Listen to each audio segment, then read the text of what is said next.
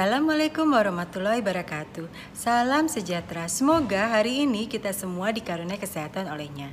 Dengan Niken Tanti Sudarmono di sini mengucapkan terima kasih atas kesediaannya mendengarkan YouTube-YouTube saya. Kali ini saya akan membahas mengenai makanan yang dipantang agar tiroid kita tetap sehat. Loh, kenapa harus memperhatikan tiroid? Tiroid itu adalah hormon yang dikeluarkan oleh kelenjar tiroid yang diperlukan untuk metabolisme sel. Dan sayangnya sel ini memerlukan hormon tiroid dalam kondisi yang sangat pas, tidak boleh berlebih, tidak boleh berkurang. Jadi kita harus selalu menjaga kondisi tiroid ini jangan sampai terlanjur sakit tiroid dulu karena ini lebih sulit lagi pengobatannya. Nah, banyak orang yang mengatakan makan aja apa aja boleh kok. Padahal sebetulnya ada beberapa makanan yang sebaiknya tidak dikonsumsi agar tiroidnya tetap terjaga. Ini baik digunakan untuk teman-teman yang belum mengalami sakit tiroid dan juga untuk yang sudah mengalami hipertiroid, hipotiroid baik yang autoimun ataupun yang autoimun spektrum. Nah, apa sajakah? Yuk kita lihat di sini. Yang pertama adalah kedelai. Memang dikatakan kadangkala oke okay deh nggak apa-apa pakai kedelai yang sudah difermentasi. Tapi terkadang cara fermentasinya itu pun kurang baik. Jadi kalau menurut hemat saya kita hindari aja semua makanan yang mengandung kedelai.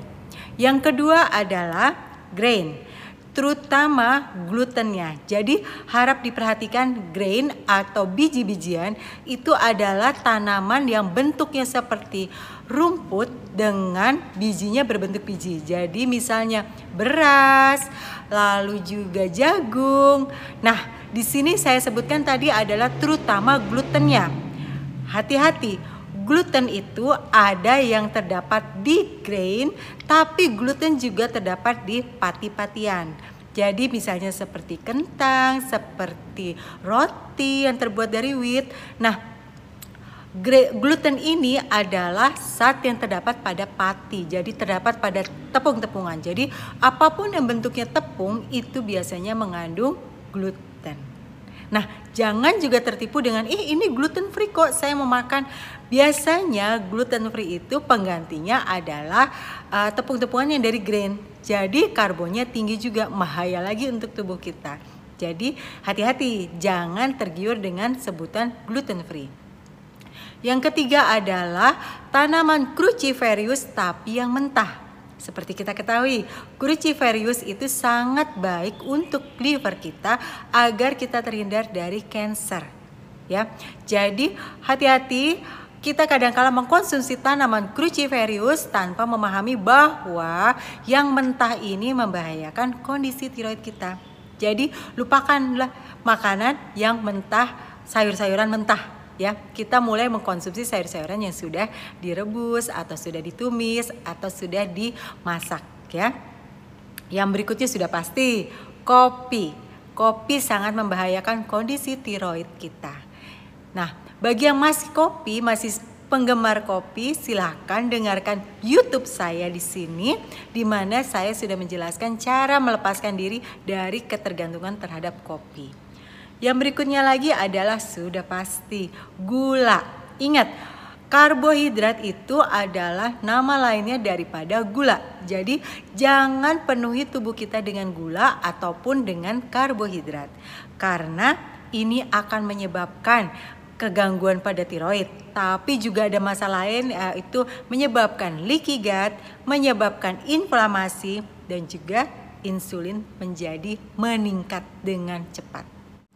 Yang berikutnya lagi adalah air mengandung fluoride.